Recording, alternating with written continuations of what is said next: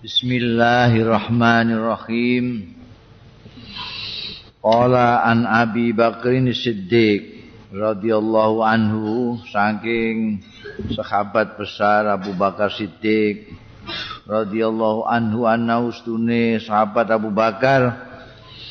Kala ngendika sapa sahabat Abu Bakar? Li Rasulillah marang Kanjeng Rasul sallallahu alaihi wasallam alimni kula aturi mulang panjenengan Kanjeng Rasul teng ni ing kula doaan ing donga. Adu sing donga kula bi kelawan doa fi salati ing dalam salat kula. Kala dawuh Kanjeng Rasul kul Allahumma maca kowe Allahumma Inni dolam tu nafsi zulman kathira Duh gusti Ini sak temene kula Niku dolam tu nafsi. Nani ngoyo kula nafsi ngawak kula piyambak.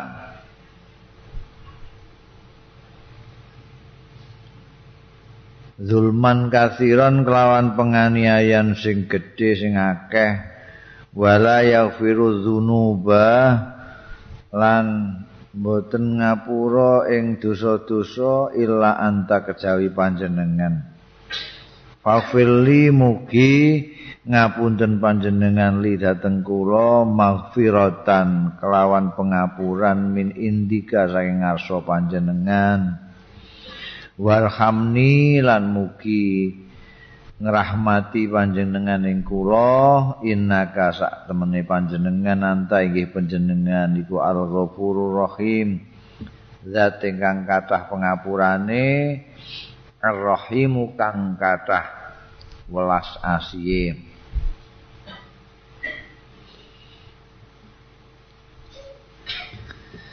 iki donga ijazahe Kanjeng Nabi wulangane Kanjeng Nabi ning sahabat Abu Bakar ulama-ulama ana sing ngendikake iki diwaca nek arep salam mek tasyahud.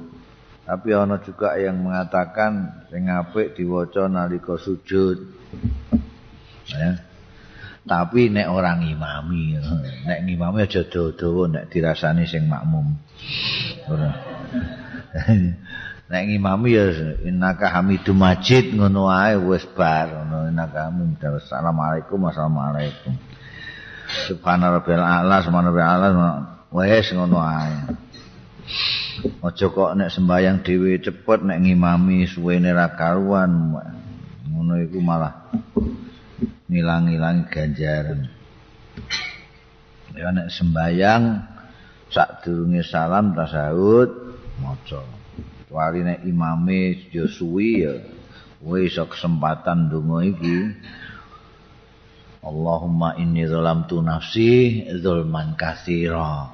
Wa la yaghfiru dzunuba illa anta faghfirli maghfiratan min indika warhamni innaka antal ghafurur rahim.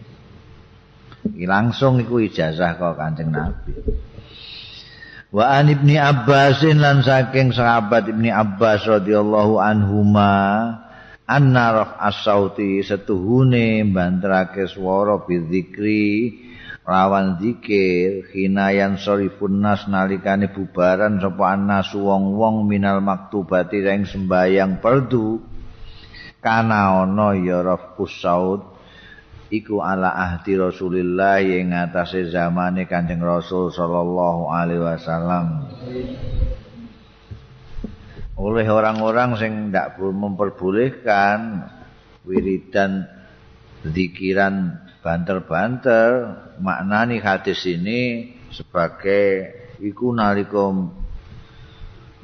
nalika iku wong wiridan zikiran bar salat terus banter kuwi maksude nggo mulang sing durung iso durung iso kuwi.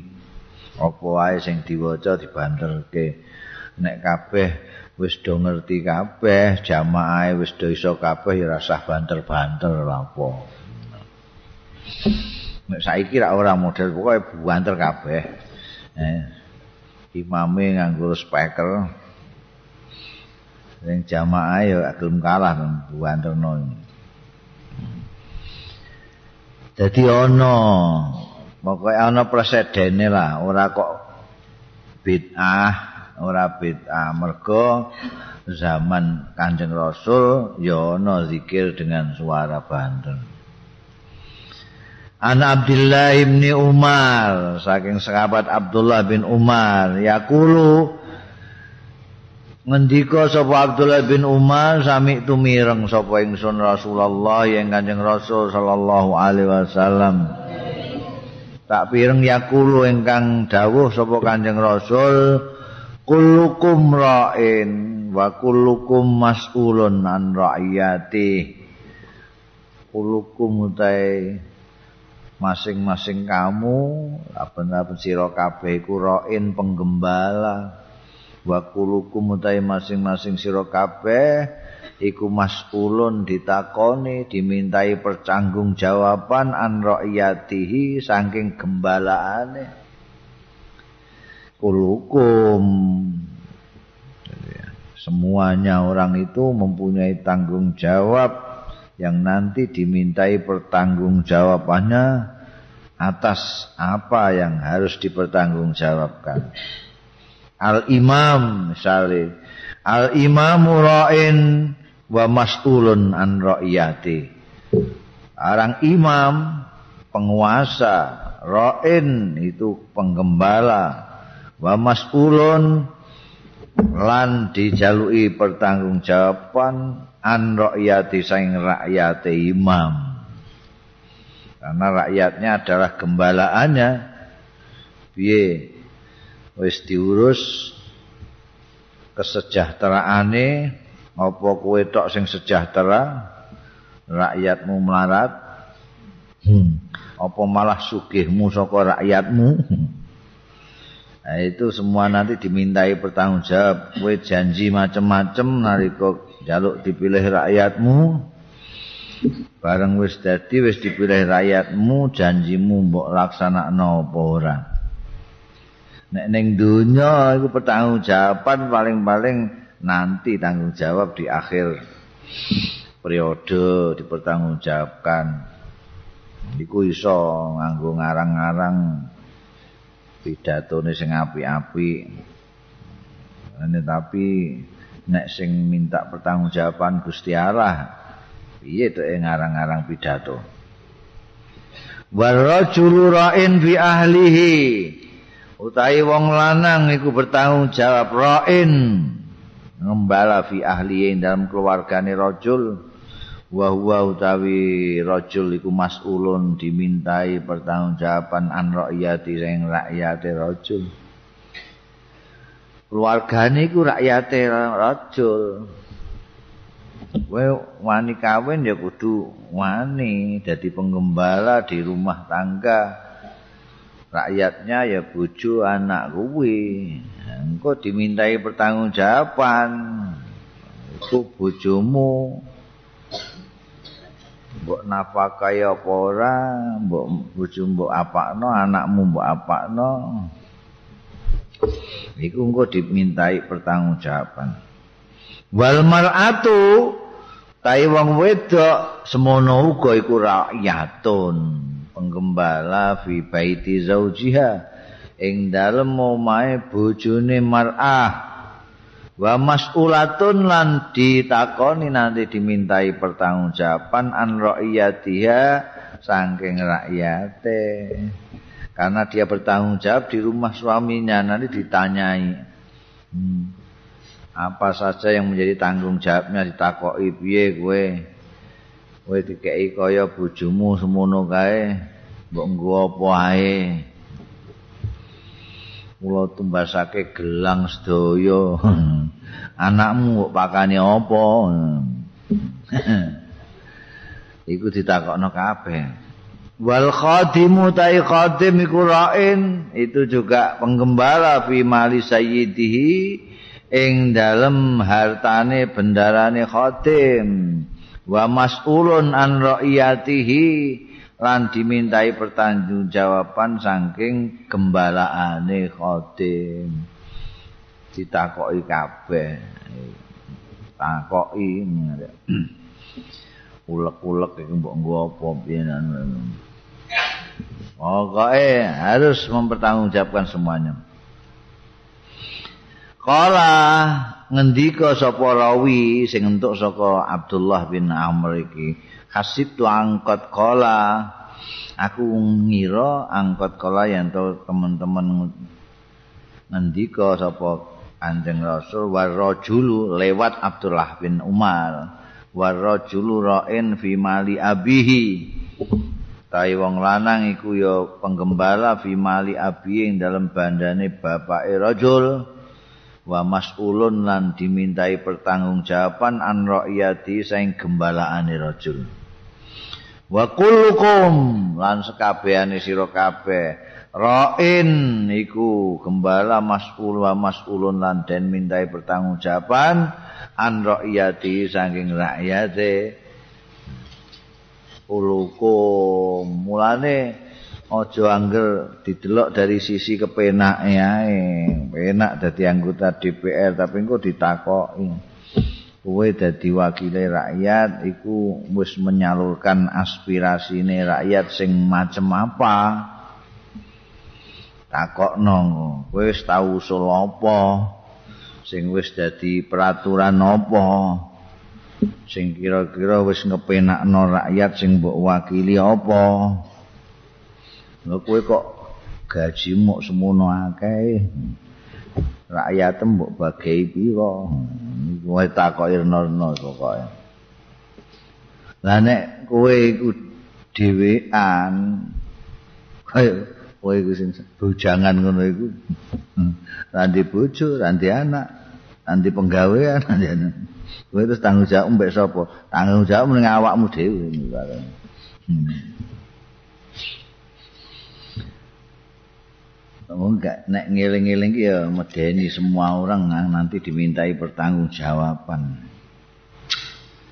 An Anasin yakulu ngendika sapa Anas bin Malik yakulu ngendikane kana ana sapa Kanjeng Rasul sallallahu alaihi wasallam Ida stadda nalikane nemen apa albardu adem bakar mongko ngisuki sapa Kanjeng Rasul bisolati kelawan sembayang wa ida stadda tatkalane nemen apa alharu panas abroda mongko ngedem-ngedem ya Kanjeng Rasul bisolati kelawan salat yakni ngesake apa Anas al Jum'ata ing salat Jumat.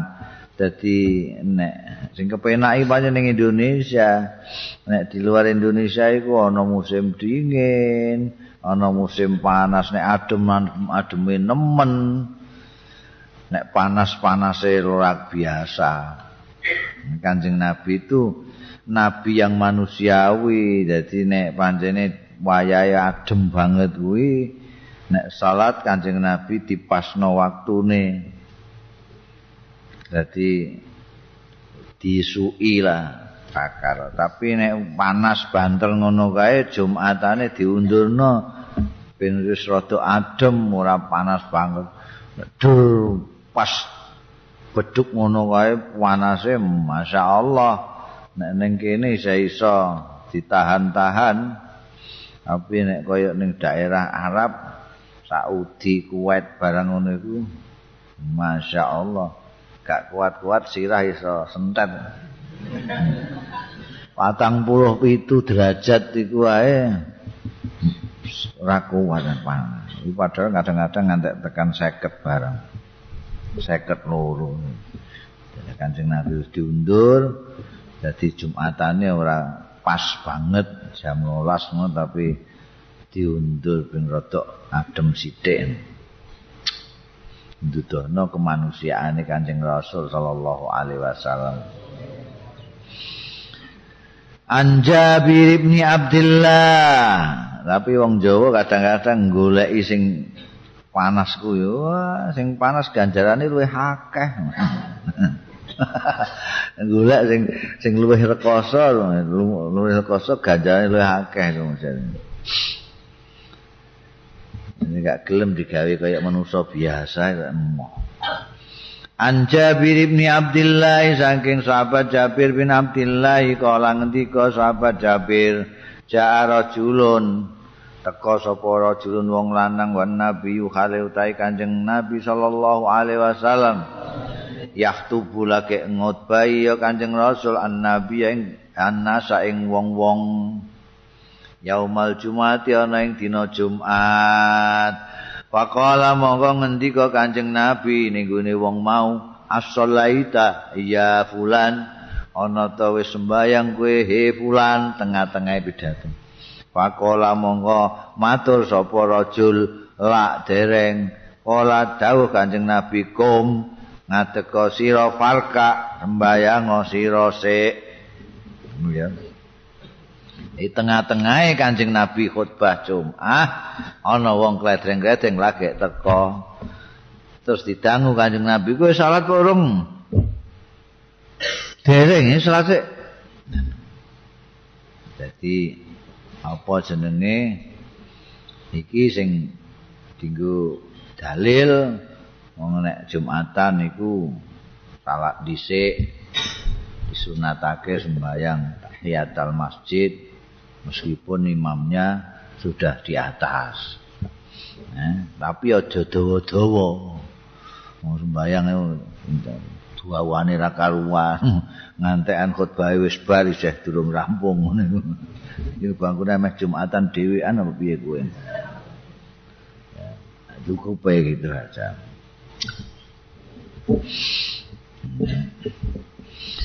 An Anasin saking sahabat Anas bin Malik radhiyallahu anhu qala ngendika sapa Anas bin Malik asobat ngenai ngenai an menimpa anasaing wong-wong apa sanatun? Tahun paceklik kemarau panjang nek cara kene nih ala ahdi nabi ing atase mangsane kanjeng nabi sallallahu alaihi wasallam.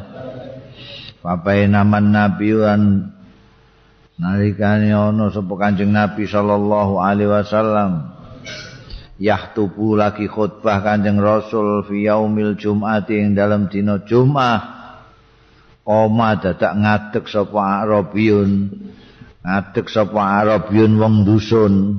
Wong dusun nek wong kono sekapat-sekapat ya ora ono sing kanjeng Nabi pidato wani ngadeg. Iki wong dusun Jumatan langsung ngadeg ngono. Pakola mongko interupsi sapa Arabi khutbah diinterupsi. Ya Rasulullah duh kanjeng Rasul halakal mal. Rusak bondo niki. Wajah al iyal.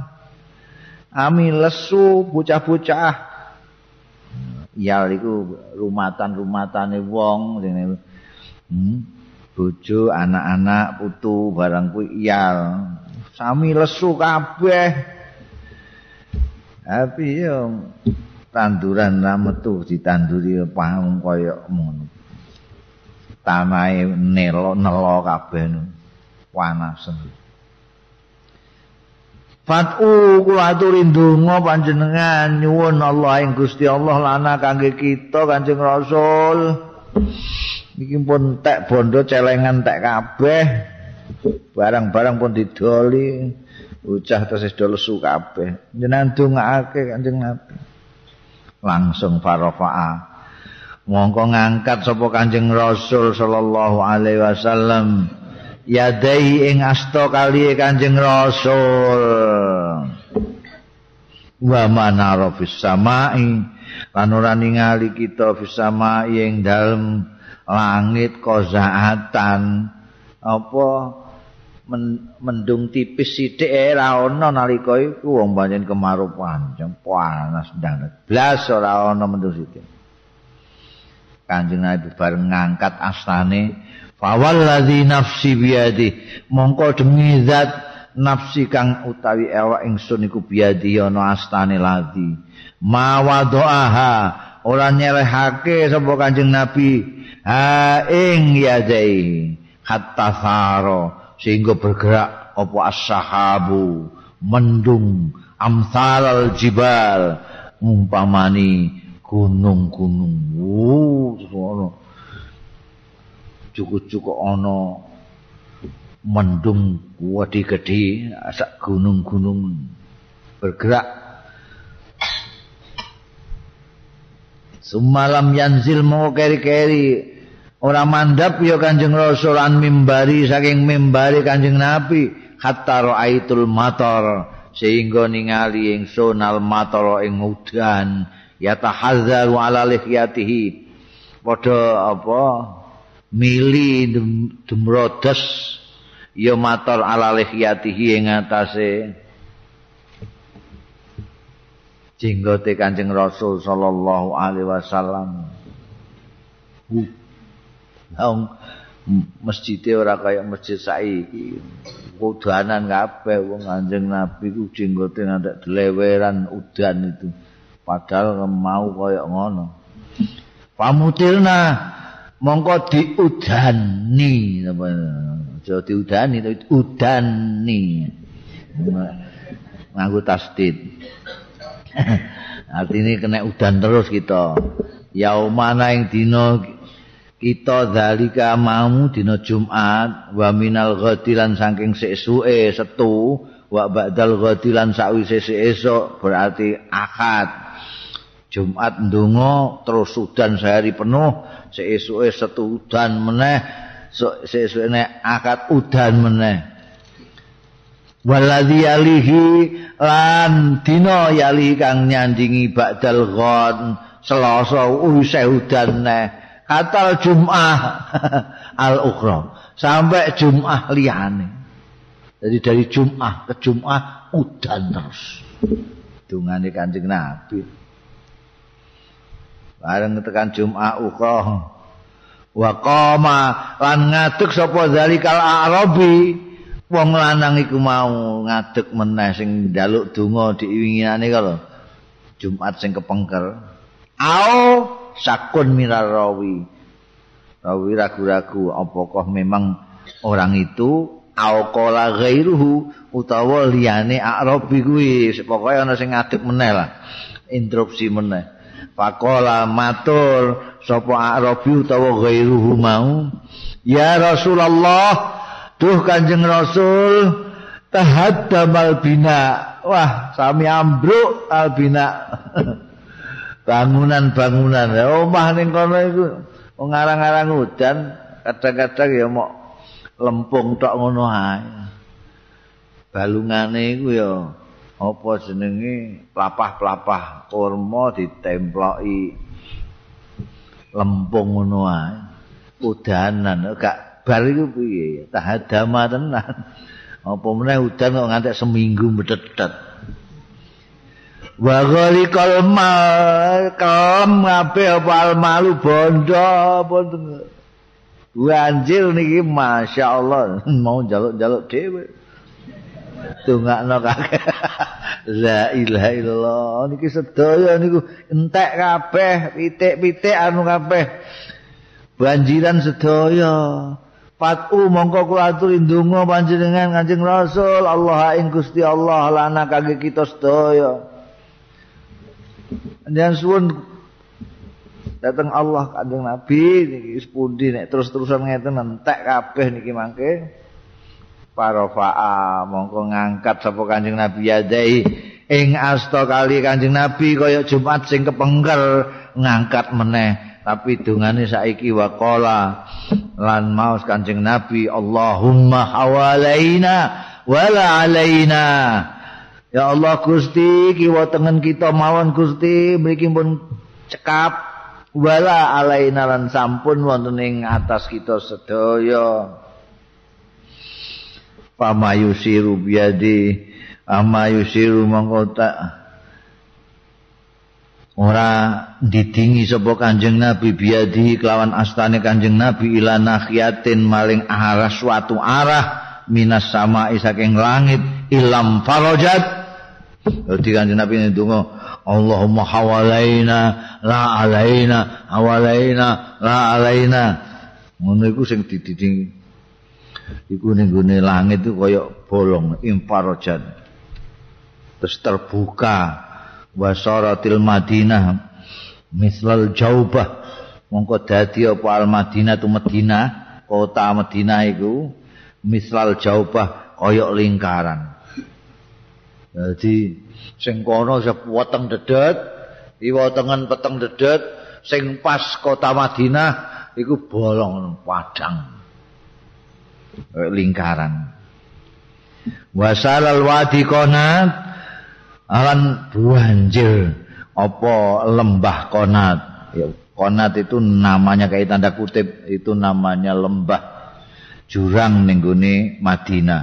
Wadi konat iku ngantek banjir saharon ing dalam saulan penuh dengan air lembah konat walam yaji lan ora teka sapa akadun wong suwiji min nahiyatin saking suwijining arah mbah kono mbah kidul mbah wetan illa haddatsa bil jaud kejaba mesti nyeritake bil jaudi kelawan udan sing deres iku Wah, udan ndak karu-karuan. Wong Madinah wis ora udan. Mergo Kanjeng Nabi nyuwune khawalaina, la alaina. Saiki iki sing dinggo donga kiai-kiai kapan nggo nolak udan niku. Khawalaina wala alaina. Tapi yo kadang mandi kadang ora. Delok-delok kiai ini. Wa an Abdullah ibn Umar. Nek Kiai Wahab Hasbullah Allah yarham Kiai Wahab Hasbullah itu mandi dungane tapi ora donga iki. Berarti nek wayahe pengajian udan terus terus kabeh dikon maca. Ayo tak niki maca anu kabeh. Tabat. Maca tabat yada abilahab. Iku ping 11 udan terus li logikane mergo udan iku rahmate Gusti Allah. Nyebut Abu Lahab. Abu Lahab wong sing gak entuk rahmate Gusti Allah. Abu Lahab kok.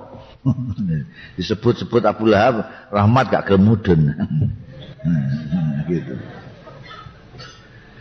An Abdullah bin Umar saking sahabat Abdullah bin Umar. Maksudnya Abdullah bin Umar bin Al-Khattab radhiyallahu anhuma anna Rasulullah istune Kanjeng Rasul sallallahu alaihi wasallam.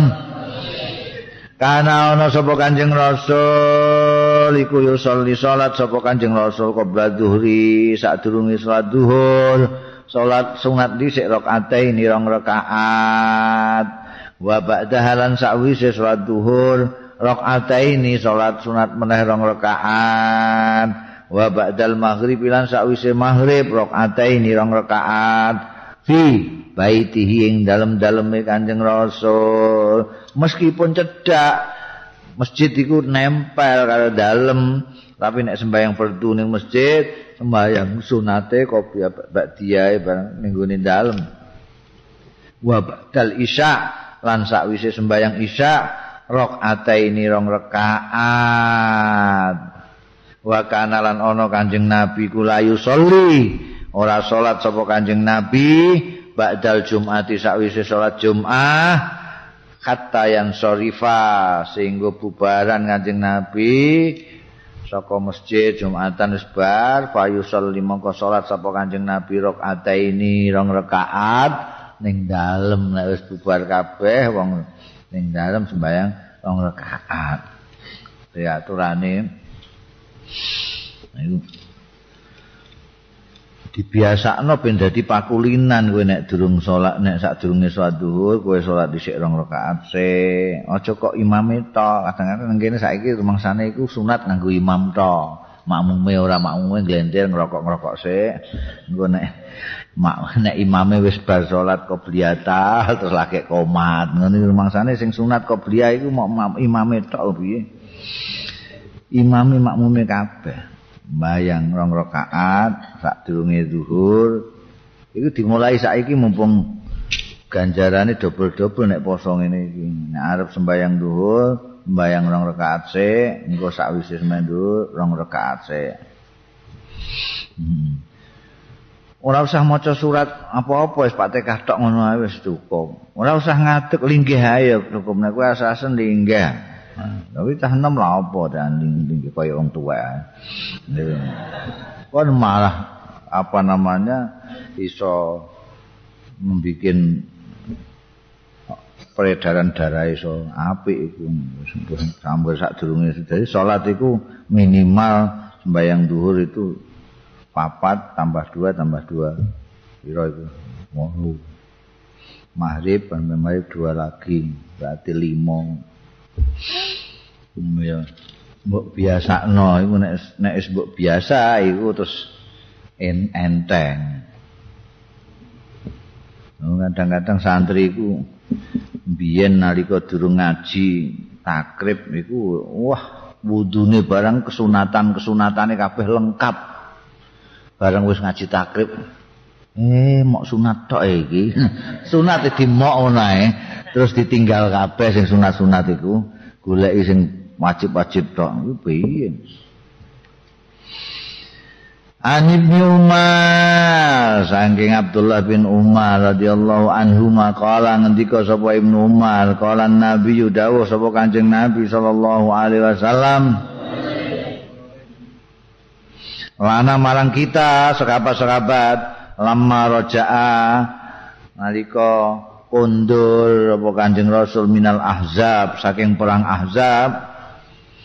Kanjeng nabi dawuh la yusolliyanna ojo do sembayang temenan ya akadun ojo sembayang temenan sapa akadun wong suwiji. Al asra ing salat asar illa fi bani quraidah. Engko nek tekan Jadi nalika perang Ahzab itu kan diserbu apa jenenge eh Kanjeng Nabi ben eh, nalika perang Uhud itu karena desaan anak-anak muda tentara Islam diminta keluar nyambut musuh dari Mekah itu pasukannya Abu Sufyan. Setelah itu ternyata mehai kalah tentara Islam itu hancur. Perang Ahzab kita tentara Islam tidak mau nyerbu keluar seperti perang Uhud, tapi membuat parit Ahzab parit di sekitar Madinah. Mbah piye kok tentarane Abu Sufyan kuweden dhewe ndelok teknik perang sing ora tau tumon ning Arab iku. Wedi. Apa meneh ada angin kencang malam hari wedi do mlayu karo mlayu ditututi wek tentara. Ditututi wek tentara ini kanjeng rasul sallallahu alaihi wasallam. Mlayu ketipas bareng wis ngedidir tenan wis ora arep balik meneh. Wis sae balik balik.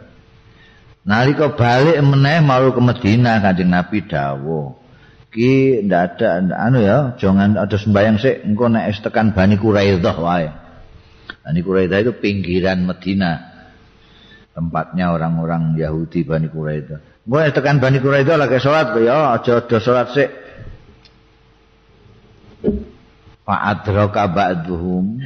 Mongko metui ba'duhum ing sebagian kita, para sekabat-sekabat iki.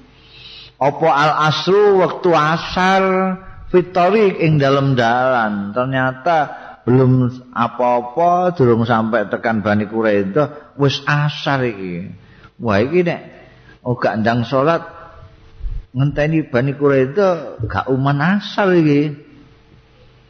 Faqala ba'duhum mau ndika apa ba'dhum sebagian wong-wong Islam sahabat-sahabat iki. La nusolli hatta anak tia. Pokoke dawuh Kanjeng Nabi ngono kok.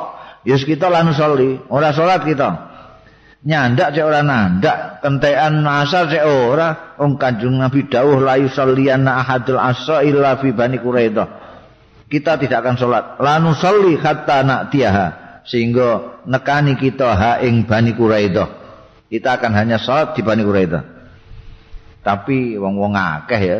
Wa qala ba'duhum. Lan ngendika sapa ba'dhum sebagian dari sahabat-sahabat banu salli balik kita salat ning kene ning dalan. Senajan durung tekan Bani Quraidah nek ora engko gak nyandak gak uman salat asar.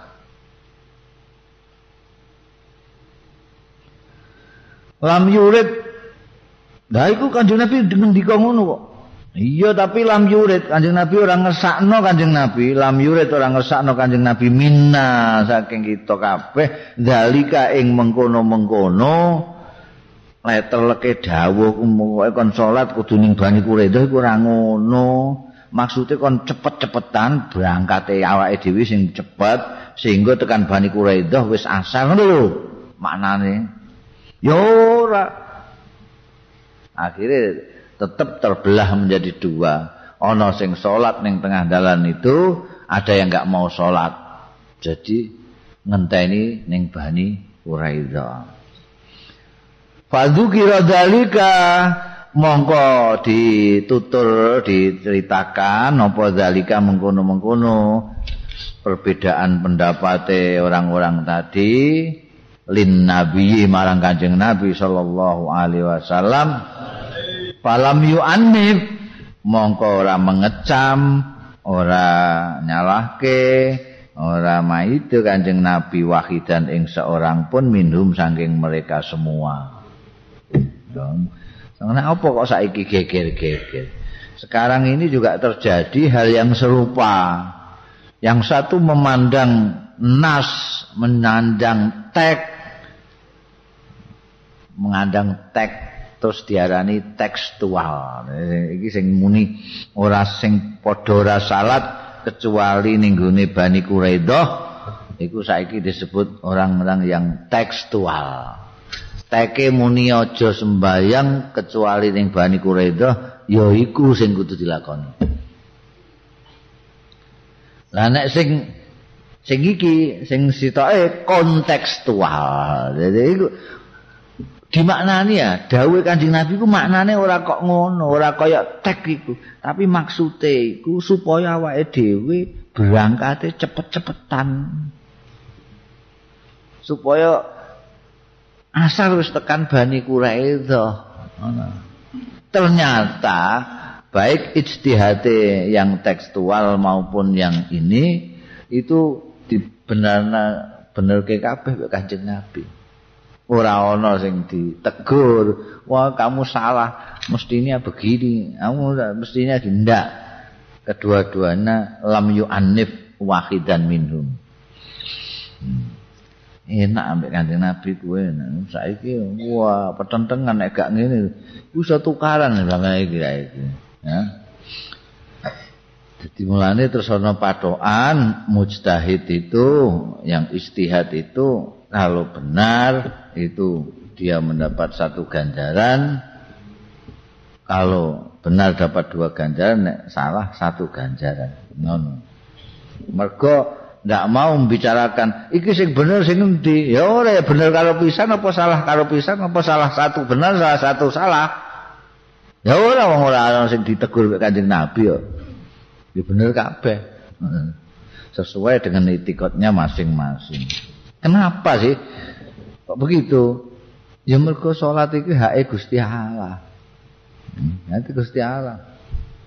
Gusti Allah gak neritik ngono. Kurang sithik terus ngamuk ngono gak. La ilaha illallah. Aulane. Kadang kita itu terlalu jelimet. Mangsane Gusti Allah yang jelimet kayak ndekne ngene. Anasin sanging sahabat Anas kala ngendika sapa sahabat Anas kana ana sapa Rasulullah Kanjeng Rasul sallallahu alaihi wasallam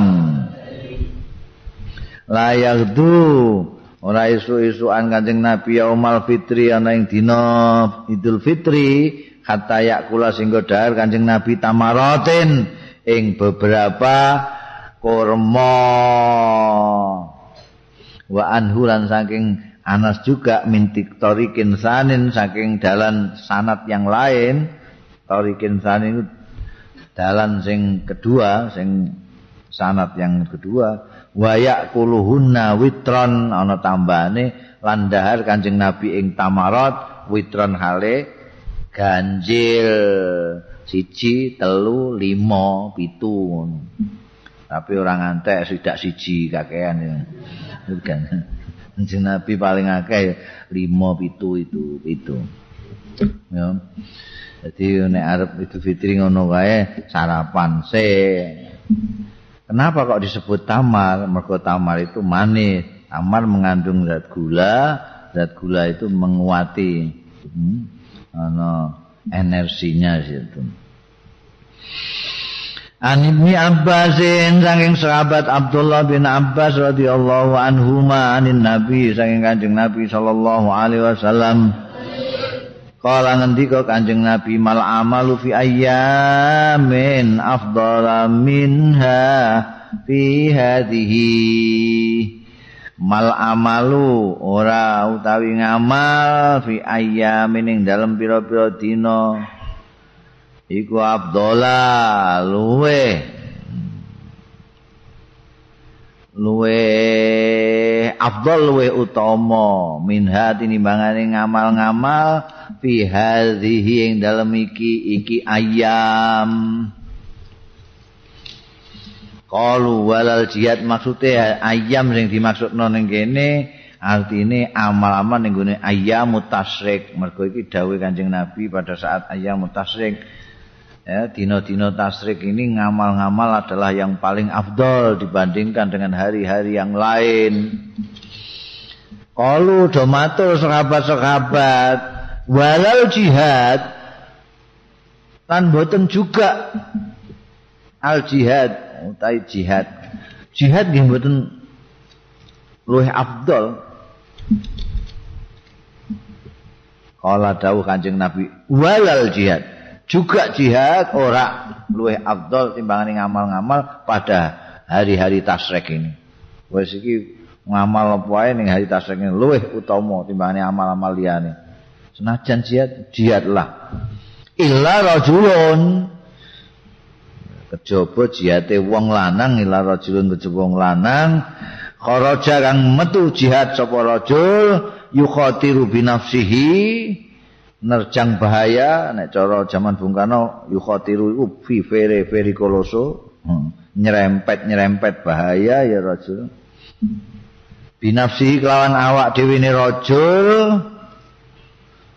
wa malilan bandane falam yarjik bisain mongko ora bali sapa rajul bisain kelawan apa-apa.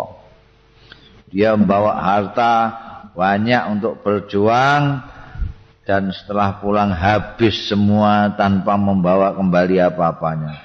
Malah kadang-kadang ana sing maknani ora kembali dianya sendiri juga tidak kembali. Lam yarjik bisain ini termasuk dirinya sendiri Itu saja yang jihadnya bisa ngungkuli amalia-amalia pada waktu ayam tasrik. Kalau jihad-jihad biasa tidak tetap bisa ape amalan-amalan ini ayam tasrik. An ibni Umar saking Abdullah bin Umar juga kala ngendika sapa Abdullah bin Umar radhiyallahu anhuma kana ana sapa an kanjeng nabi sallallahu alaihi wasallam yusolli ku salat Kanjeng Rasul fi safari ing dalem tindakan dan perjalanan salat ala rakhilatihi ing atase kendaraane Kanjeng Rasul. Kaisu tawajjahat sekira mengar madhep. Ya rakhilah bihi kelawan Kanjeng Nabi yumiu memberi isyarat sapa Kanjeng Nabi imaan dengan isyarat salat al-laili ing dalam sembahyang bengi ilal faraido kejaba salat fardu fardu wa yutiru lan salat witir Kanjeng Nabi ala rakhilati ing ngatasé kendaraane Kanjeng Nabi. Dadi sembahyang nek kowe sembahyang sunat iku ning gone dhuwur kendaraan numpak unta madhepe sak mlaku-mlakune sak mlaku-mlakune untamu iku jaranmu wis ora soal nek sembahyang sunat pokoknya ndak masalah. Saiki ya numpak baje apa numpak truk apa apa ke sembayang parake ning dia numpak sepur rono rene ora urusan nek iku sembayang sunat. Ngono ya. Ora sembayang fardu. Anjing nabi dhewe tahu salat bengi di atas rohilah itu ambil jalan pakai isyarat nek ruku nek sujud gak piturute sampai witirnya juga Kanjeng Nabi masih di atas kendaraan. Iki nuduhno gampangnya sholat sekaligus pentingnya sholat. Jadi, kowe melokno Kanjeng Nabi sholat sholat sunat bang dalam perjalanan juga dilakukan itu loh. Yang penting mbok lakoni senajan sak mampumu, senajan sak bisamu. Aja kok timbangane rada repon aluwung ora dilakoni. Kadang-kadang sembahyang perdu barang ditinggal hanya gara-gara lunga kok kene ke Semarang. La ilaha illallah. Niku ana sing tuwakok iku petentengan. Eh bagaimana Pak Kiai? Itu saya sering kali itu saya itu waktunya ini menghadapi duhur gitu ya. Kita naik bis. Nanti sampai sana itu sudah asar ya. Jadi waktu duhur itu habis ketika kita naik, naik bis itu. Itu sembayangnya bagaimana Pak Kiai? Loh sembayang ya di masjid. Loh gimana caranya Pak Kiai? Ya kan baik supire biar saya mau sholat. Loh apa mau? Loh kamu sudah pernah ngomong Pak belum sama sopir? Ya belum pernah. Lu jajal. Besok itu iya ya Pak. Wah supirnya seneng ra karuan penumpang-penumpang lang lain ya seneng sekali mandek sholat itu. Iya mesti aja. Wong di Indonesia ini paling tidak 80% salat semua orang agama Islam. Jadi nek bis di sini 100, 80 sing salat. Jadi mesti seneng dijak sholat. Dini kok ora ada sholat, mereka gak ada yang ngejak. ora dikulinakno ora dibudayakno nek dibudayakno mandek mesti gelem ora dipelokno iku apa asale heeh Ini pelokno sembahyang sunat barang dipelokno gitu. Aja salate sing dienggo samben liya-liyane baku wale. Sembayange sing baku liyane samben. Joko Oh tak salat sediluk ya Kang. Nah ini sedilut aku tak salat sedilut. Ya sedilut tenan. Dilu gak ana orang menit mbayang. Anak iku gak ana orang menit. Orang menit iku wis sabiki sekaro hal ataka orang menit itu. Nek ina atau mbek kulhu, sak menit ra ana. Nek ora percaya jami kurang.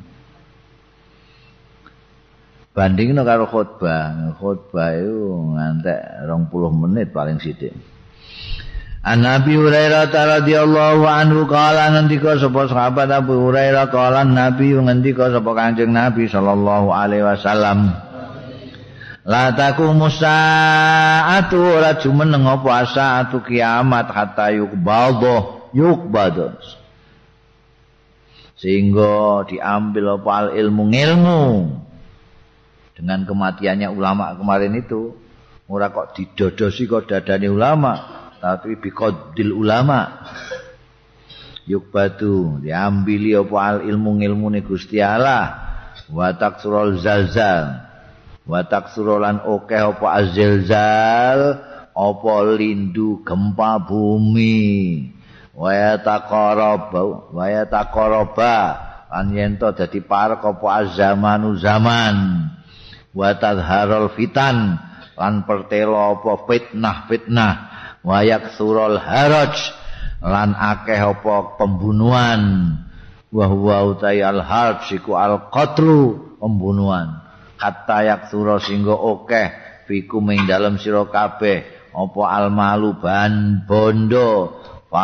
Fido mongko loberan ya bondo. Ndelok alamate Kanjeng Nabi itu ora pirsa kiamat kapan Kanjeng Nabi ora pirsa. Tapi pirsa alamat-alamate. Di dina kiamat itu antara lain tidak akan terjadi sebelum ono kedadian ilmu-ilmu Gusti Allah diambili semua. Ngambilnya ilmu dengan diambilinya orang-orang yang ngalim-ngalim itu. delok saiki wong alim-alim wis karek sithik itu ya wis parek sedene nomor loro akeh gempa bumi. Gempa bumi saiki kan terus ae ning Indonesia iku Masya Allah, selawase gak ana gempa ning Jogja. Ning Jogja gempa. Purworejo ning Cilacap gempa bumi terus. Lah nek ning gone Jepang iku saben dina wong ngantek melayu saka gempa bumi iku diajarno mulai TK. Mulai TK. TK iki ana pelajaran carane nek ana engko nek wis ana sirine ngaung ngaung ngaung ngaung kowe ngene ngene ngene mlayu ning arah kene sak piturute. Jepang iku ning daerah-daerah kaya endi iku sing akeh gempane iku Kyoto terus endi iku ngantek ning desa iku omahe iku mulane wong Jepang omahe kertas ora tembok ora anu kertas. Mergo nek ana gempa ya suwek ngono ae.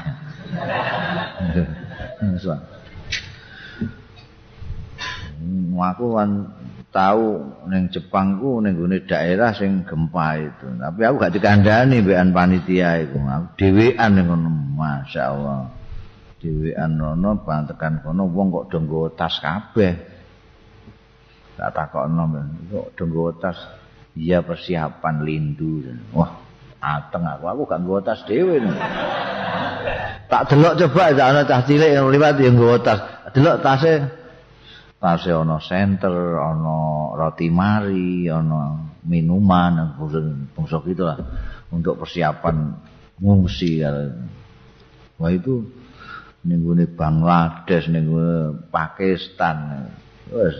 Terus saya Iki ketoke kok ya ziljal iki. Terus-terusan. Mulai Aceh, Filipina, Cina itu saiki Masya Allah Cina sekian ratus ribu meninggal ziljal juga. Susu tengelmu wis wis ane akeh lindu wis waya takarab zaman zaman iki dadi parek wingi lagi kemes saiki wis semua. Kok delok engkas setu. Delok engkas delok ora kerasa setu. Cepet banget. Orang-orang sekarang itu kan tuwek-tuwek baru berkarir, karirnya baru terus tuwek-tuwek. Presiden itu umurnya piro? Seket berong. Banding no kalau zaman biyen, Bung Karno umur piro jadi presiden? Kiai Wahid Hasim umure piro? Nalika dadi menteri. Durung 30 tahun. Hmm. Ngono. Subhan ZE dadi ketua ekonomi Asia Pasifik durung 30 tahun. Kiai Edham Khalid dadi ketua PBNU 17 tahun. Saiki 17 tahun isih Ibnu. cepet banget waktu ya takarab zaman ora krasa ora krasa. Cukup-cukup seminggu cukup terus saya waktu menjadi cepat sekali. Batal haru fitan fitnah-fitnah tidak karu-karuan tidak karu-karuan. Fitnah-fitnah dan saling memfitnah itu tidak karu-karuan itu fitnah. Pembunuhan pembunuhan juga luar biasa banyaknya. Wong siji ae iku wong Jombang iku mateni wong pira? Rian apa sapa iku mateni? Ono ono sing mateni anake ono sing mateni mbok ya mbok nekek anake ono mantu mateni maratuane Masya Allah iki ono kanca ngracun kancane. Pembunuhan di mana-mana gak ning Indonesia tok. Ning Irak saben dina ana pembunuhan saben dina. Dina pembunuhan. Ana sing nganggo cara bunuh diri. Mbiyen gak ana iku senjata kok bunuh diri. Jadi bunuh diri. Bunuh diri. Awake dikeki bom pirang-pirang terus nabrak kantor polisi. Doel polisi ini mati kabeh ini mati rapopo iku saben dina ning Irak. ning Palestina ning gone Gaza. Iku terus iki saiki menyusul ning gone Thailand. Sedang rame-ramenya sekarang Thailand. Pembunuhan banyak. Wiku nek perang terus paten-patenan itu kalau kayak nih Irak itu sudah berapa yang meninggal itu? Dari tentara Amerikanya sendiri itu aja sudah ribuan. Bayangkan itu gak tahu dihitung sing rakyat Irak dewe sing mati kena bom rak betul orang dihitung. Itu. nanti kalau iki perang juga dengan Iran mergo iki Iran nantang Amerika engko nek perang perange nek nganggo senjata biasa apa-apa nek padha nganggo nuklire iku engko tersentek wong-wong iku. Mergo kena nuklir iku padha karo zaman Jepang kena bom atom gone Nagasaki karo Hiroshima entek. Lan nek entek terus piye? Terus bondo pirang-pirang. Gak ana sing mangan bondone wonge do mati kabeh loberan bondo pirang-pirang. Hmm. Masya ini kira-kira ya wis apa wis marek-marek gini. Delok apa jenenge tanda-tanda ini. Ono ning hadis liya wong dhuwur-dhuwuran bangunan tayata waluna fil bunyan. Iku juga tanda-tanda kiamat. Saiki oh, bukan hanya ning wong-wong di satu kota dhuwur-dhuwuran negara-negara dhuwur-dhuwuran ning Prancis ndekne duwe menara Eiffel. Mesir enggak terima apa engko terus Jepang gawe juga. Malaysia terus gawe gedung kembar itu Malaysia nggawe Indonesia gak terima iki lagi nggawe juga. Wae kono 40 ini 47 ngono ngono. Niku di Mekah Andi Ka'bah itu ada yang 137 tingkat lagi digawe. Iku durung negara teluk iku sing kaya Emirat sing duwike kakean iku. iku malah menggawe sing tertinggi di dunia ngungkuli pencakar langit di Amerika yang dinding wah nyata tawalunan wis alamat An Abdullah ibni Amrin saking sekabat iki termasuk generasi muda pada waktu itu. Abdullah bin Umar Abdullah bin Amr Nek mau Abdullah bin Umar itu ghairu munsharif Umar ya, Umar iki Amrin Abdullah bin Amrin bin Al-As. Amr bin Al-As iki. Putrane Abdullah. Kala ngendika sapa Abdullah bin Amr kala li an-nabi dawuh limarang ingsun sapa an-nabi Kanjeng Nabi sallallahu alaihi wasallam. Alam ukhbar ana to ora dikabari sapa ingsun. Dia kabari ing anaka sak temene sliramu iku takumul lail jungkung sira alaila ing bengi wa tasumu lan poso sira annahara ing awan. Kultu matur sapa ingsun ini af'alu dzalik. Nggih Kanjeng Nabi. Pancen ini sak temene pun saestu kula af'alu nindakake kula dzalika ing mengkono-mengkono qiyamul lail lan saumun nahar. Kala dawuh sapa Kanjeng Nabi fa innaka mongko sak temene sira Ida fa'al tadzalik tetkalane nglakoni sira zalika ing mengkono-mengkono angger bengi jungkung angger awan poso hajaat ainuka engko cerong apa ainuka mripatmu? Etok ireng terus koyok ngantuk terus ngono kae lelah itu lelah ainuka mripatmu. Wa nafihat lan dadi lesu apa nafsu kawakmu wa inna li nafsika setuhune iku keduwe awakmu. Alaika wajib ing atase awakmu hakon ana hak. Wali ahli lan iku keduwe keluargamu alaika wajib ing atase awakmu hakon ana hak. Fasum waftir. Mongko poso sira lan mokao kadang-kadang poso kadang-kadang moka wakum wanam lan jungkung ya jungkung kadang-kadang ya turu wanam kum jumeneng salat jungkung nam turu. Pancen di antara sahabat muda itu Abdullah bin Amr bin As ini terkenal hobi ning ibadah. Hobi ning ibadah. Sampai kapundut itu posone poso Daud asale ora poso poso saben dina anggerawan poso angger bengi jungkung saking senenge ibadah. Ninggune hadis liya di kandhake nek bar Ramadan ngene iki Abdullah bin Amr bin As iki matur karo Kanjeng Nabi niku poso kok mok sak wulan iki kula kurangen niki sepundi. Ya nek kurangen ya engko angger bulan poso sekali. Sak wulan poso pisan.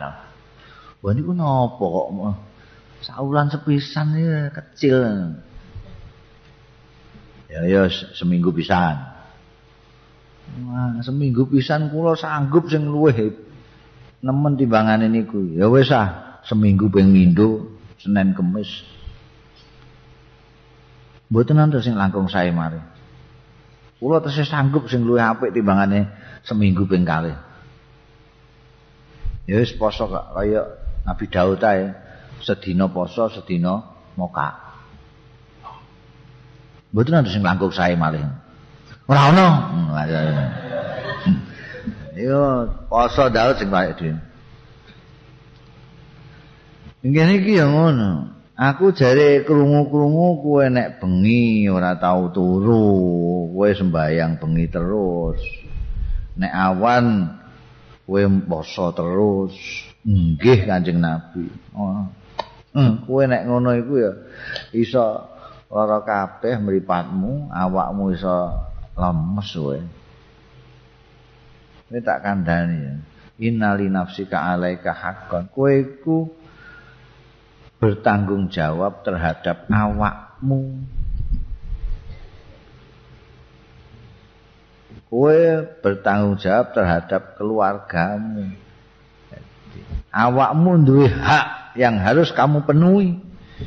Keluargamu punya hak yang harus kau penuhi. Ningguni hadis liya anjing Nabi dawuh wa addi kulladzi haqqin. Nah ini. Bojo kowe duwe tanggung jawab terhadap bojo. Anak kowe duwe tanggung jawab terhadap anak. Masyarakat kowe ditanggung jawab ning masyarakat. Awakmu dhewe kowe ditanggung jawab terhadap awakmu. Semua harus diberi haknya masing-masing. Awak butuh no istirahat, ya kudu diwenehi waktu untuk istirahat. Niku paling kegelem saking senenge ibadah. Abdullah bin Amr bin Asiki tetep cekelan poso Daud. Sedina poso, sedina ora, sedina poso, sedina ora. wis didhawuhi Kanjeng Nabi ngene iki tetep rene. Wong dawuhe poso moka. Ya terus digawe poso moka, sesuk poso, saiki moka, ngono terus ae. Padahal asalnya ditawari sak wulan siji. Seminggu siji gak gelem ditolaki kabeh. Bareng Abdullah bin Um Amr bin Asiki wis sepuh kelingan dawuh Kanjeng Nabi. Ya Allah. aku mbiyen gelem dipremakno Kanjeng Nabi ngono. Saiki iki berat ya aku. Poso sedina poso ora sedina iki ya Allah. Zaman nomku ya enak ae aku poso ngono. Bareng wis tuwa iki berat tenan. Bener Kanjeng Nabi. Ini kancing Nabi itu prinsipnya ora kehlah anggere terus menerus lebih baik. Ya. Amal itu yang baik itu yang ini itu. Kowe maca Quran sedina sak terus katam sak ulan luwih apik timbangane kowe maca limang juz terus leren blas ora maca. Neh ngantek pirang-pirang tahun. An Jabir bin Abdullah qala ngendika sapa sahabat Jabir bin Abdullah kana ana sapa Rasulullah Kanjeng Rasul sallallahu alaihi wasallam. Ana iku yu alimuna mulang ya Kanjeng Rasul nak ing kita mulang apa? Mulang al istikharah ta ing istikharah istikharah iku amrih dipilihno Gusti Allah mergo awake dhewe ra iso milih bingung sing sitoke ayu, sing sitoke pinter. Hmm, endi sing tak pilih iki? Ana bingung, njaluk tulung karo Gusti Allah kon milih. Istikharah fil umuri yang dalam pira-pira perkara, budal apa ta ora. Tak tampa apa tak tolak. Itu kan sering kita itu dihadapkan kepada pilih-pilihan-pilihan yang kita tidak bisa sendiri menentukan harus milih yang mana. karena pertimbangan kita sama-sama beratnya. Ditolak ya berat ditompo ya berat. Nah di sinilah perlunya istikharah. Luar biasa. Kita disediani kabeh mbek kanjeng nabi. Yu'allimuna mulang ing kita al istikharah ta ing istikharah fil umuri ing dalam pira-pira perkara kulliha sekabehane perkara. Kama yu'allimuna kaya dene mulang sapa Kanjeng Rasul nak ing kita as-surata ing surat-surat minal Qur'an saking Qur'an diwarai sedikit demi ngantek kita apal ngantek pas wacanan kita dengan wacanane Kanjeng Nabi. Itu kalau Kanjeng Nabi mulang surat minal Qur'an saking Qur'an. Ini ya seperti itu. Kita diwarai seperti itu. Marai istikharah. Piye dawuh Kanjeng Nabi? Yaqulu dawu sapa Kanjeng Rasul sallallahu alaihi wasallam. Idza hamma ahadukum nalikane nejo sapa ahadukum salah siji ro kabeh bil amri kelawan suwijining perkara fal yarka mongko supaya rukuk maksude sembayang sapa ahadukum rakaataini rong rakaat min ghairil faridah saking liyane sembayang perdu Mutus mbok akali sekalian ya timbangane anu bayang subuh ya rong rakaat eh nggo ngiras ngirus nggo istikharah. Ngene ngerti kelakuanmu dadi dikai dikai min ghairi faridah min ghairi faridah liyane bayang pertulu iki loro iki dadi sembayang usus sembayang sunat. Nek wis sembayang rong rakaat summa yakul mongko keri-keri maca sapa akadukum Allahumma. Iki apalno? Allah kowe engko perlu itu suatu saat kamu memerlukan ini. Allahumma inni astakhiruka. Duh Gusti pangeran kula ini sak temene kula niku astakhiruka. Nyuwun panjenengan pilihaken nyuwun istikhar niku njaluk dipilihno kula ing panjenengan. Bi ilmika kanthi ilmu panjenengan. Wa astaqdiruka lan nyuwun kemampuan dateng panjenengan bikudratika kelawan kekuasaan panjenengan. Wa as'aluka lan nyuwun kula ing panjenengan min fadlika saking kanugrahan panjenengan al azim ingkang agung Gusti fa innaka takdiru mongko panjenengan iku takdiru kuwasa panjenengan wala akdiruan boten kuwasa kula. Wa ta'lamu lan pirsa panjenengan wala a'lamu lan boten ngertos kula. Wa anta utahe panjenengan iku alamul ghuyub zat ingkang kathah mudanen ini dateng perkara-perkara sing gaib perkara-perkara sing boten ketok. Ayo apike kowe kawin apa ora kan gak jelas gaib Allahumma Duh Gusti ing kunta menawi wonten panjenengan tak lamu. Pirsa panjenengan anna hadzal amra ing setune menika perkawis. Menika perkawis iku apa? Kawin kalih niku. Panjenengan pengertos niku khairun saeli kangge kula fidini ing dalem agami kula wa ma'asilan kehidupan kula wa akibati amri lan tembe mburene perkara kula. Au syakun minar rawi.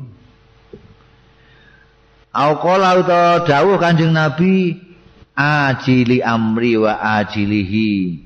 Agi-agine perkawis kula utawi mangke-mangkene perkawis kula fakturhu mugi we waca salah siji ae. Akibati amri utawa ajili amri wa ajilihi. Fakturhu li menawi panjenengan mekaten faktur mugi. Nekdiraken panjenengan hu ing hadal amri li kangge kula. Wayasil huli lan mugi gampilaken panjenengan ing hadzal amr li dateng kula. Summa barik li mugi keri-keri berkah ana panjenengan. Li kangge kula fihi ing dalem hadzal amr. Nanging wa ing kunta ta'lamu lamun wonten panjenengan iku ta'lamu pirsa panjenengan anna hadzal amra ing sedune menika perkawis niku sarun awon. Li kangge kula fidini ing dalem agami kula wa ma'asilan kehidupan kula wa akibati amri au qala kae kurung buka au qala ajili amri wa ajilihi kurung tutup. Jadi kowe iso milih wa akibati amri utawa qala ajili amri wa ajilihi kaya dhuwur mau. Fasrib mong mongko mugi ngenggokaken panjenengan ing hadzal amri ani saking kula. Wasrifni lan ngenggokaken panjenengan ing kula anhu saking hadzal amri. Waktu huli lan mugi netepaken panjenengan li kangge kula al khaira ingkang langkung sae haitsu kana atus pundi mawon ana apa hadzal amru summa ardini mongko keri-keri ngridanono panjenengan ing kula bihi kelawan hadzal amri. Ola ngendika ya sapa?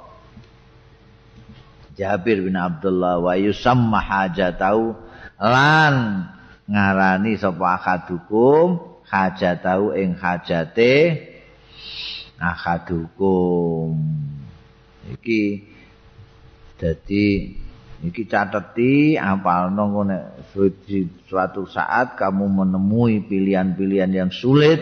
Iki apik banget. Mergo tidak hanya ditunjukkan tapi juga ada donga.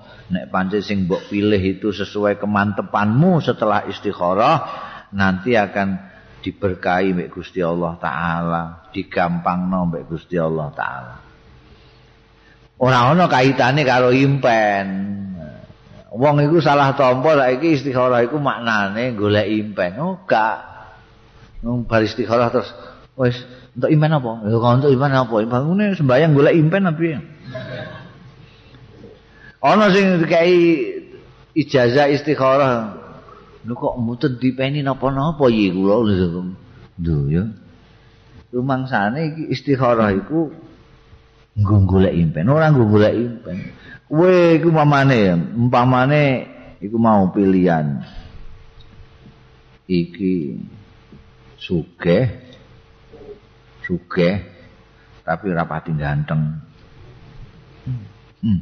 iki ganteng tapi melarat. Iki ora rada angel iki. Iki milih sing endi iki? Milih sing endi? Nek ndelok gantenge ya iki si A iki tapi kok marat engko aku dipakani apa? Iki ganteng tapi kok potongane kok kaya baje ngono. Repot. Ah sembayang istighfar kujaga iki iki apa usah elek tapi kan terjamin iku ekonomiku ngono. Wis iki mlarat-mlarat lah wong ganteng wis gampang itu. Kok padha kabeh abote ngene?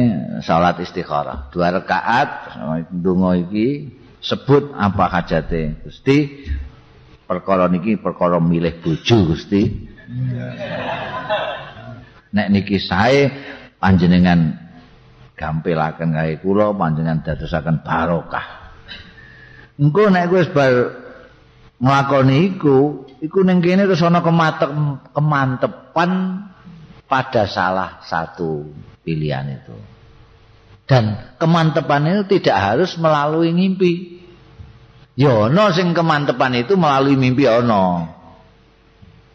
Tapi ora usah mimpi pun itu nanti kowe diparing yakin wah milih iki des.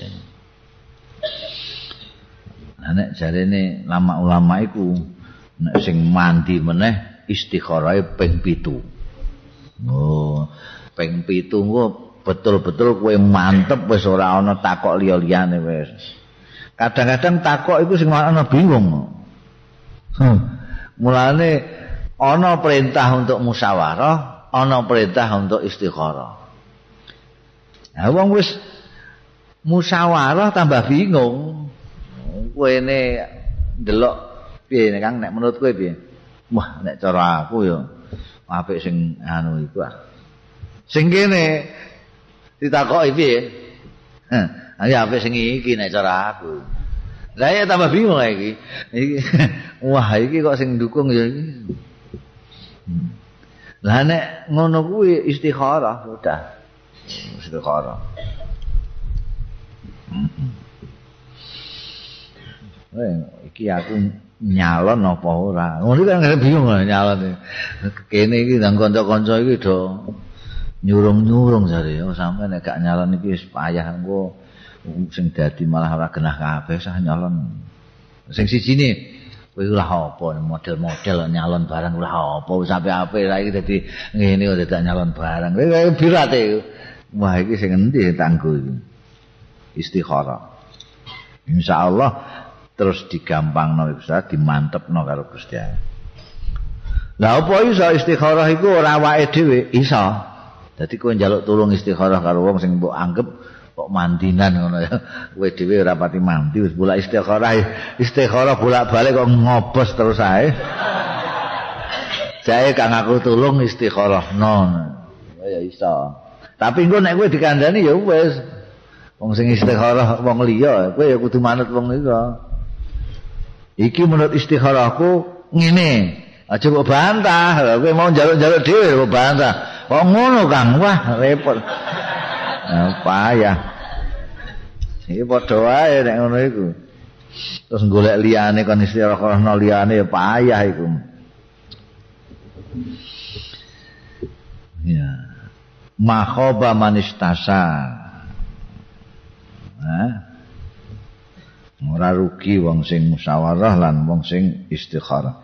An abi hurairah ta anin nabi saking kanjeng nabi sallallahu alaihi wasallam kala ngendika kanjeng nabi mabaina baiti wa mimbari antarane dalemku kene iki wa mimbari lan mimbarku. Raudhatun utawi raudhah min riyadil jannati saka taman sari taman sari ning swarga raudhah iku taman sari. Min riyadil jannati saka taman sari taman sari ning swarga. Wa mimbari utai mimbari ingsun iku ala khaudi di atas telaga ingsun. Kanjeng nabi kagungan telaga ing jenenge kausar inna a'taina kal kausar engko ning ngono iku. Sapa sing menyintai Kanjeng Nabi, akeh selawat ning Kanjeng Nabi, akeh syahadat la ilaha illallah yang paringi iso ngombe ning gone raudha. Ning donya iki ana panggonan sing dadi taman sari ning swarga.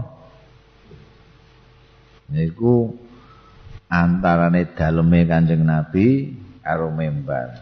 Kene daleme Kanjeng Nabi kono kiblat kene mimbare kanjeng Nabi. Kowe nek lunga kaji ning Madinah ora sambok goleki raudhah sing endi wis enek janji akeh kebek wong ya iku nggone. Kabeh do kosong-kosong kok ning kono kebek dhewe ya iku raudhah. Iku sing antarane daleme Kanjeng Nabi karo mimbar.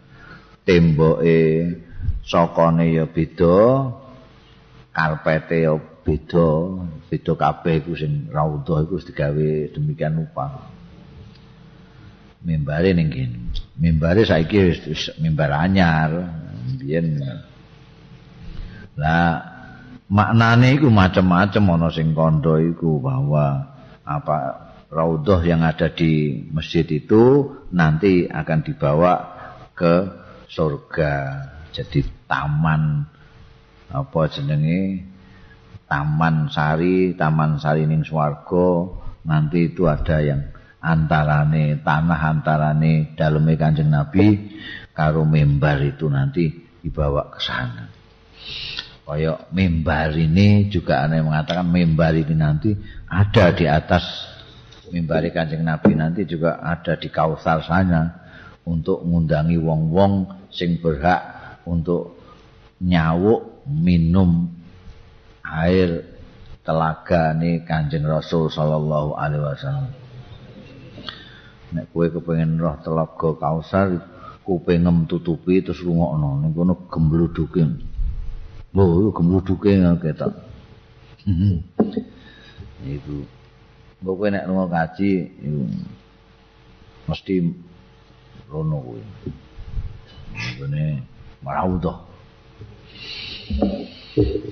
to Nabi ya uyel-uyelan wong-wong semono akeh kepengin salat salat ning kono kabeh. Mergo ana juga yang berpendapat iku Taman Sari nek kowe sembayang ning Taman Sari swarga ya insyaallah engko kowe ning kono ya ning swarga. Gitu. An Uqbah bin Haris saking Uqbah bin Haris kala ngendika sapa Uqbah bin Haris salaitu ma'an Nabi. Salat sapa ingsun ma'an Nabi sartane Kanjeng Nabi sallallahu alaihi wasallam al asra ing salat asar. Falamma sallama bareng salam sapa Kanjeng Nabi koma mongko jumeneng Kanjeng Nabi sarian khalik agi-agi terburu-buru. Wa dakhala lan mlebet Kanjeng Nabi ala ba'di nisaihi ana ing sebagian garwa-garwane Kanjeng Nabi Suma kharaja mongko miyas meneh Kanjeng Nabi waroa lan mirsani Kanjeng Nabi maing barang fi wujuhil kaum kang ana ing dalem rai-raine kaum bayane minta ajubihim nyatane gumune gawoe kaum lisur ati mergo kesusune Kanjeng Nabi ora kaya biasane Jadi kancing Nabi suatu saat itu sembahyang asar, bah sembahyang asar itu salam kok terus maknyet belayu moro ning dalem. Iki kan daleme ning kene iki mon. Daleme ning kene kene kancing Nabi ngimami ning kene iki. Iki dalem. Biasane ra ngono. Iki sembahyang asar bar salam kok terus nyet mlebu ning dalem. Kene iki dalem ana apa kaya kamaran-kamaran ngono iki kamare Siti Aisyah, kamare Siti Hafsah, garwa-garwane Kanjeng Nabi kamar-kamar ngono tok ae, cilik banget. Kok terus mlebu ngono? Kanjeng Nabi balik wong gumun ketok sekali raut mukanya orang-orang itu udah gumun gak biasa-biasane Kanjeng Nabi kesusu ngono kuwi. Ya wiridan barang donga barang kok iku maknyet. Perso ngono kuwi nek wong-wong do ketok gawok Fakola mongko dawuh sapa Kanjeng Nabi, "Zakartu iku mau aku eling, eling sapa ingsun wa ana hale utahe ingsun fi sholati ing dalem sembayang, aku eling ana tibron indana. Tibron iku apa emas tapi sing durung dicetak, durung dadekno apa-apa iku. Sing wur-wuran emas ngono kae. Indana ana sanding ingsun fakarih tu mongko ora seneng sapa ingsun ayum sia. Yen to sore-sore ya tibron mau. Au ya bita utawa nginep ya tibron indana ning sanding ingsun fa amartu mongko enggal-enggal perintah sapa ingsun bikis mati kelawan bagi tebron itu kanjeng nabi dadi ana wong sing nyerahno ning kanjeng nabi emas. Kongkon bagi karo wong pekir-pekir. Durung dibagi kanjeng Nabi salat kelingan. Iku mau piye? Kok ngantek durung tak bagi? Terus ndang gage ndawi. Garwane kon bagi. Iki dibagi ndang gagenan aja ngantek nginep ning kene dadi kanjeng Nabi ku ora tau ana bondo nginep ning gone daleme iku. Pemeneh kok sing menjadi haknya masyarakat itu tidak boleh terlalu lama di rumah terus langsung dibagi ora dindinding an kuraib kuraib itu khadame eh, siapa sahabat ibnu abbas Sa'altu dawe, sa'altu aku nyuwun pirsa Umma Salamata ing Ummu Salamah. Ani rakaat ini tentang rakaat loro ba'dal asri.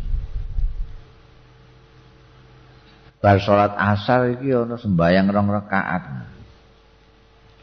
Faqalat Ummu Salamata, mongko dawuh sapa Ummu Salamah, sami tu aku ngrungu dhewe annabi ing Kanjeng Nabi sallallahu alaihi wasallam. Tak rungu yanha ingkang nglarang sapa Kanjeng Nabi anhuma saking rakaat ini ba'dal asri. Aku tahu krungu Kanjeng Nabi nglarang wong salat sunat rong rakaat sakwise sembayang asar kuwi tapi sumaro aituhu. Mongko keri-keri ningali sapa ingsun ing Kanjeng Rasul tak tingali yusallihima. Tak tingali ingkang salat Kanjeng Nabi ing rong rakaaten sakwise asar. Khina sholal asri nalikane wis salat sapa Kanjeng Nabi al asra ing salat asar Sumada kola mongko keri-keri melebet kanjeng Nabi ning dalem. Lah wa indi aku dhewe nalika semono wa indi ku ana sanding ingsun. Niswatun utawi wong-wong wedok-wedok ana tamu wedok-wedok min bani haramin saking bani haram. Bani haram itu kabilah di Madinah. Minal ansori saking wong-wong ansor. Fa asaltu mongko aku ngutus ilaihi marang Kanjeng Rasul al jariyata ing bocah wedok iku takon kowe ngono ya fakultu mongko dawuhi sapa ingsun. Kumi eh ngadeg kana kumi kowe ngadeg ya nduk. Bijambi ana sisi Kanjeng Rasul fakuli mongko matur sira lahu marang Kanjeng Rasul. Matur sepundi ini takulu laka Ummu Salama. Ngendika dateng panjenengan Kanjeng Rasul, sapa Ummu Salama ta Ummu Salama. Ya Rasulullah, duh Kanjeng Rasul. Ibu Salama matur dateng panjenengan. Matur piye? Sami tuka kula mireng ka ing panjenengan kula pireng tanha ingkang nglarang panjenengan an hataini rakaatain saking kalih rakaat ba'da asar menika. Tapi wa araka lan ningali kula ing panjenengan tusallihima kok nyalati panjenengan ing rakaatain ngono ya muni ngono ya. Iki aku sing ngomong Ummu Salamah matur ngaten Kanjeng Rasul. Ngono ya. Fa in asara biadihi engko nek lamuno ngei isyarat sapa Kanjeng Rasul biadihi kelawan astane kok tangane kok ngei isyarat ya pas takhiri kowe mundura anhu saking Kanjeng Rasul Dadi mature kok sisih ora kok ngarepe ora kok nggurine iki adabe matur ning pimpinan iku mature ning jejere ngene. Fafa'alat mongko nindakake sapa jariah sing diutus Umi Salamah mang. Fa asyara biadihi matur tenanan Kanjeng Nabi isyarat. Fa asyara mongko aweh isyarat sapa Kanjeng Rasul biadihi kelawan astane Kanjeng Nabi. Mongko sesuai dawuh Umi Salamah tak khorat mongko mundur sapa jariah mau anu saking Kanjeng Rasul. Palaman sorofa mongko barang wis rampung Kanjeng Nabi. Kala dawuh sapa Kanjeng Nabi Yabnata Abi Umayyah hidup anak wedok Abi Umayyah Sa'alti takon sira ani ini saking rong rakaat ini ba'dal asri. Sing ana sakwise asal. Ya ta mau ya. Nggih, wa innahu atani ngene lho. Wa innahu stune kelakuan iku atani nekani ing ingsun sapa nasun wong-wong min Abdul Qais saking kabilah Abdul Qais wingi kae. Sing tukang gawe hantam barang wingi. Pasagoluni mongko nyibukake sapa Nasmin Abdul Qais ing ingsun. Ani rakaataini saking rong rakaat allataini sing ana ba'da zuhri sakwise zuhur. Pahuma mongko utahe rakaataini iki iku hatani. Ya rong rakaat sakwise zuhur mau. Jadi maksudnya Kanjeng Nabi jelasno, pancen bener aku ngelarang sembayang sakwise barasal. Bar sembayang asar kok gak ono sembayang sunah. Lah dene aku sembayang sunah, ketoke sembayang rong rakaat bar asar mau iku ngene dunungane. Nalika duhur mau aku ora sempat sembayang bak diata zuhri mergo ana tamu kobani kois aku sibuk terus sehingga ora sempat membayang sunat bak diata zuhri. Nah itu mau sembayang barasar itu mau aku ngijoli sembayang bak diata zuhurku. Oleh ulama-ulama berbeda pendapat. Jadi nek ngono sembayang sunat itu ya dikadani barang. Ana sing ngendika iya. Dadi sembayang kowe nek iku mau sibuk ora sembayang bak diata zuhur dikadani. Ana sing ngendikano ora iku khususiae Kanjeng Nabi. Mok Kanjeng Nabi tok sing. Engko ndang kowe melok-melok sembayang barasar barang gak oleh. Oleh nek ngadani selain di waktu-waktu yang dilarang oleh Kanjeng Rasul sallallahu alaihi wasallam apa boleh buat? Boleh boleh nanti ya? Eh, eh, Anil Barra ibni Azibin. Saking Al Barra bin Azib kala ngendika Al Barra bin Azib Amarona perintah ing kita sapa Nabi Kanjeng Nabi sallallahu alaihi wasallam bisabin kelawan pitu. Wa nahana lan nglarang sapa kanjeng nabi. Ansabin saking pitu. Kita didhawuhi pitung perkara dilarang pitung perkara dening kanjeng rasul sallallahu alaihi wasallam. Apa wae? Amarona perintah kanjeng nabi bitibail janaizi. Kelawan ngetutno pira-pira jenazah. Ngetutno jenazah Dene ana jenazah kon melok ngetutno. Ngetutno iku apike ning gone ngurine jenazah kok ngarepe jenazah. Jeneng iku ngono ya dibakas sampai ulama-ulama iku. Nek menurut Imam Syafi'i ya ngarepe jenazah. Mergo ana hadis sing ngendikakno Kanjeng Nabi, sekabat Abu Bakar, sekabat Umar iki tau ngeterno jenazah ning kuburan, Kanjeng Nabi CS iki ning ngarepe jenazah. Ana sing liyane Imam Syafi'i ngendika ya Imam Malik ora ya ning gurine wong ngetutno kok. Itibak ya ngetutno ya ning gurine. Nomor siji. Wa iyadatul marid lan tilik wong wong lara. Iki perintah-perintah sunnah ya.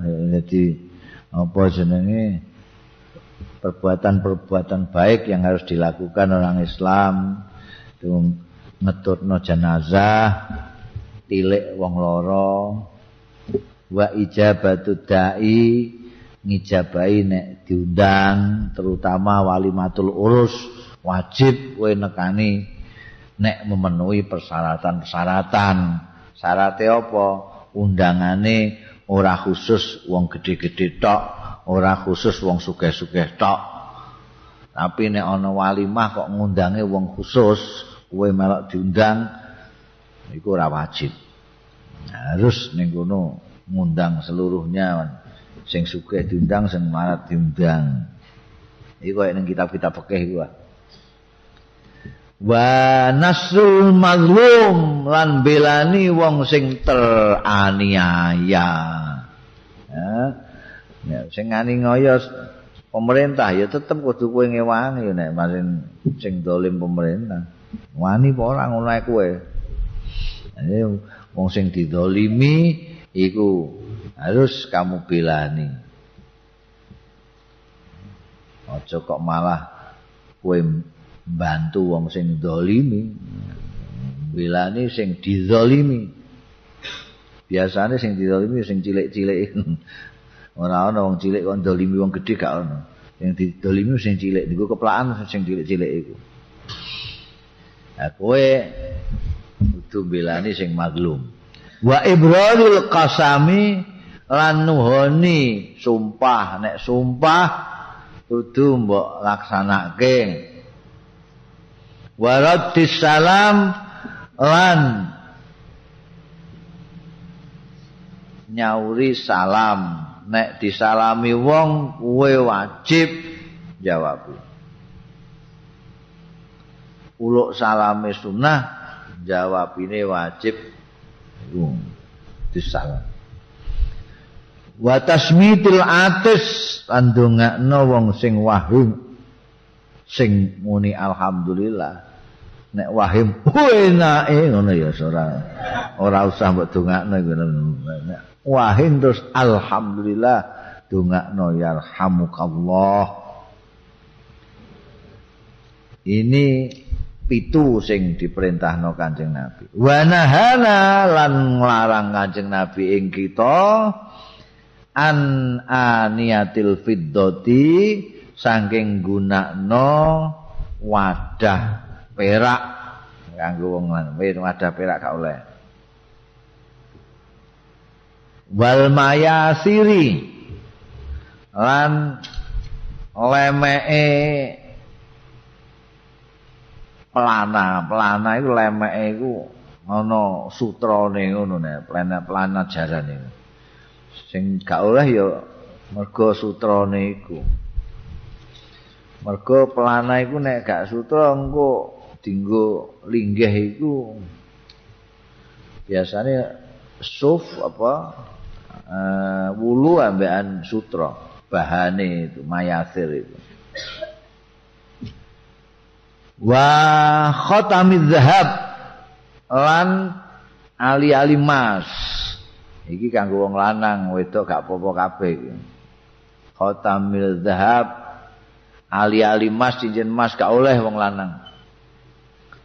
Wal kharir sutra ya gak oleh wong lanang wadibaj. Lan tenunan sutra pakaian wis dadi. Dibaj itu sudah merupakan e, bahan tapi bahannya kok sutra. Itu dibaj. Nah, iku ning kene takokno iku sing klambi batik saiki kan usume kan jadi ini ana sutra itu sutra tenan ta ora iku?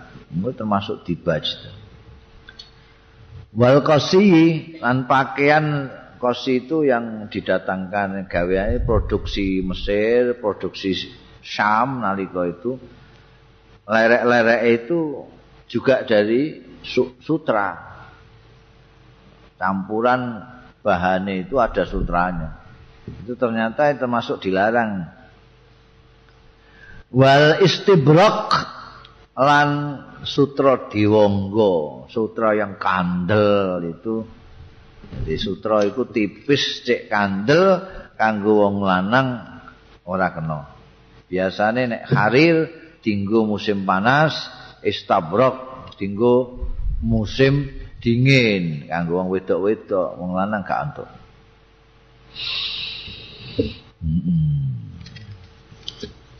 An Ibn Abbasin saking Abdullah bin Abbas radhiyallahu anhu ma anna Abu Bakrin setuhune sahabat Abu Bakar. Kharaja miyas sapa Abu Bakar. Wadzalika utai miyas sahabat Abu Bakar iku ba'da wafati Rasulillah sakwise kapundhute Kanjeng Rasul sallallahu alaihi wasallam. Wa Umaru hale utai sahabat Umar iku yukallimu lagi ngendikani ya sahabat Umar annasa ing wong-wong. Kowe tok serius sahabat Umar lagi ngendikani wong-wong. Faqala mongko dawuh sapa sahabat Abu Bakar ning gone sahabat Umar, ijlis. Linggio. Sampean linggio Umar. Fa'aba mongko ora kersa sapa sahabat Umar. Wong Arab iku nek saka ngadeg dikongkon linggih iku ijlis. Hmm. nek kok anu ukut ana ijlis kongkon linggih. Linggih. Ora kersa sahabat umar tetep ngendikan terus sampean wong-wong. Fata syahada mongko tasyahud sapa Abu Bakar sahabat Abu asyhadu alla ilaha illallah wa asyhadu anna Muhammad Rasulullah. Bareng syahadat banter famala mongko padha miring cenderung ilahi marang sahabat Abu Bakar sapa annas wong-wong. Wong-wong sing dingendikani sahabat Umar terus berpaling semua kepada sahabat Abu Bakar. Ketika sahabat Abu Bakar maca syahadat tasyahud iku. Jan. Bataraku lan padha tinggal ya nas Umar yang sahabat Umar. Marab ning sahabat Abu Bakar Pakola mau ngendika sapa sahabat Abu Bakar. Amma ba'du. Sawise aku syahadat pamangkana minkum sangka sapane wong kana kang ana minkum sing sira kabeh. Ana iku ya butuh nyembah Muhammadan ing Muhammad. Fa inna Muhammadan mongko setune Muhammad kot mata. Teman-teman wis kapundhut ya Muhammad. Ngerti ya? Wa mangkana ya budullah Utawi sapane wong kana kang ana ya man ana iku ya butuh nyembah Allah ing Gusti Allah. Fa innallaha mongko stune Gusti Allah iku hayyun la yamut. Iku tetep sugeng layamu ora bakal mati. Ya Allah. Qala dawuh sapa Allah azza wa jalla wa ma Muhammadun illa rasul qad halat min qablihi rusul ila asyakirin ngantek tekan syakirin maksude tuh maus sahabat Abu Bakar wa ma Muhammadun illa rasul qad khalat min qabli rusul. Afa immata au kutila in qalabtum ama yang qalib ala akibaihi fala yadurrallaha syai'a wa sayadzillahu syakirin. Iki sing diwaca diwaos karo sahabat Abu Bakar. Ora utahi Muhammad iku illa rasulun, kejaba utusan. Qad khalat sing wis liwat sadurunge Kanjeng Nabi wis ana. Mingko beli saing sadurunge Muhammad apa ar-rusul para utusan-utusan yang lain. Apa imata au kutila mongko ana lamun terbunuh wafat sapa Rasulullah atau terbunuh ingkolaptum kue terus berbalik balik kanan ala akib. Ing atase tungkak-tungkakmu. Ama yang kolip mongko sapane wong sing berbalik asale taat bareng kanjeng Nabi ora ana terus dadi ora taat. Ora melarati fala yadurullah syai'an. Ora melarati Gusti Allah. Blas apa-apa saya zi bakal bales sapa Allah asyakirina ing wong-wong sing padha syukur. Wakit kabeh wallahi demi Allah. Laka annana kaya-kaya setuhune wong-wong iku lam yakunu ora ana ya wong-wong nas iku ya lamuna. Do pirsa ya nas anallahu astune Gusti Allah taala anzala nurunake sapa Allah hadil ayata ing iki ayat hatta talaha. Sehingga maos ha ing hadil ayat sapa Abu Bakrin Abu Bakar. Fatalaqaha mongko nemu ha ing ayat mau sapa annasu manusa minhu saking Abu Bakar. Falam yasma basarun mongko ora krungu sapa basarun seorang pun ilayat luha kejaba maca. Ya basar. Ha ing ayat. Sing krungu langsung maca. Wa ma muhammadun illa rasul. Kan dahsyat nalika kapundhute kanjeng nabi begitu terdengar berita kanjeng nabi wafat. Wow sekabat umar itu ndak tahan itu. Ngamuk. Kabare malah pedange dunus sapa sing muni Muhammad mati tak ketok gulune Muhammad ora mati. Jadi kaya apa sini? Cara saiki ini histeris. Histeris sahabat sahabat Umar itu. Saking cintane karo Kanjeng Rasul sehingga ndak tahan ketika mendengar berita wafatnya Kanjeng Rasul. Wong pandani kabeh kabeh dok wedi kabeh wis sahabat Umar. Ora. Apa sing kono? Wedi. Mane terus. linggah linggah sahabat Abu Bakar linggah gak gelem ora. Akhirnya ngantek tasawuf bareng sahabat Abu Bakar. Asyhadu alla ilaha illallah wa asyhadu anna muhammadur rasulullah. Bareng wong do genti memperhatikan sahabat Abu Bakar sahabat Abu Bakar terus ngendikan sapa di antara kalian yang menyembah Muhammad saya beritahu Muhammad sudah meninggal. Nek sing nyembah Gusti Allah Gusti Allah ora bakal gak tau krungu kowe dawuh Gusti Allah taala wa Muhammadun illa rasul. Ternyata semuanya merasa belum pernah dengar itu. Baru kelingan setelah dibaca oleh sahabat Abu Bakar. Ono aja. Ayat ten tentang kanjeng Nabi wafat itu ono. Berarti hebatnya sahabat Abu Bakar di situ podo-podo wali ini tapi yang sudah nggak ngetarani ngono itu sahabat Abu Bakar. Dia bisa padahal mesti ini jauh hari sebelum Kanjeng Nabi wafat masih